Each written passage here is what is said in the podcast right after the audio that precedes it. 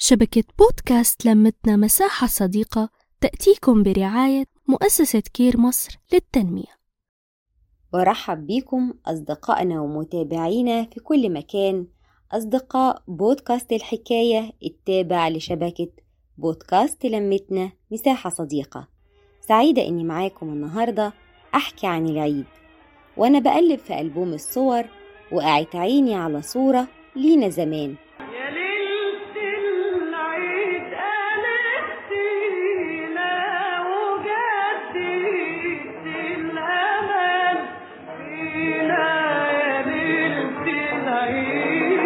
جدتي الجميلة قاعدة على الكنبة وقدامها الكل بيشتغل مامتي واخواتي كل واحد بيعمل حاجة اللي بينقش الكحك واللي بيشغل ماكينة البسكوت علشان يعمل أجمل أشكال وأنا برص معاهم في الصواني والصاجات وجدتي الجميلة بتدي من هناك التعليمات وتباشر المهمات الصورة معبرة جدا رجعتني سنين كتير لورا. حسيت لما شفتها بنفس الإحساس وقتها دفى وحب حتى ريحة الكحك شمتها وصوت الدوشة سمعتها والضحك اللي كان مالي المكان لحد ما يستوي الكحك والمطلوب إننا يلا ندوق ونبدأ في مرحلة التجهيز للرص في الصواني للتقديم وأطباق التوزيع على كل الجيران علشان يدوقوا عمايل إيدينا.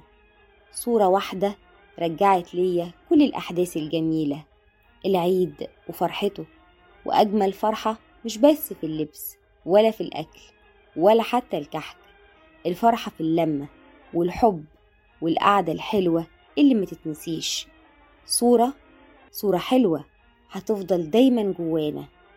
لازم بتسجل ذكرياتنا الجميلة. اتصوروا اتصوروا في كل اللحظات لأن الصور هي اللي بتسجل لنا الحاجات الجميلة اللي ما ينفعش ترجع تاني. كل مرحلة في حياتنا وخاصة لما تكون مرحلة حلوة وأيام أحلى زي أيام العيد. الحكاية لسه ما خلصتش لأن في صور تانية هقول لكم عليها بس في الحلقة الجديدة إن شاء الله.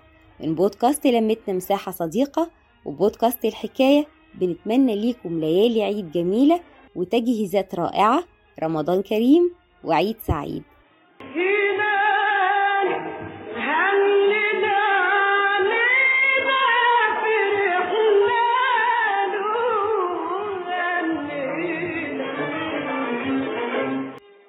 وما ننساش الالتزام بالإجراءات الاحترازية وخصوصا في التجمعات العائلية. استعمال الكمامة غسيل إيدين باستمرار استعمال الكحول ويفضل يكون في مسافات مناسبة بيننا وبين الآخرين علشان صحتنا وصحتهم.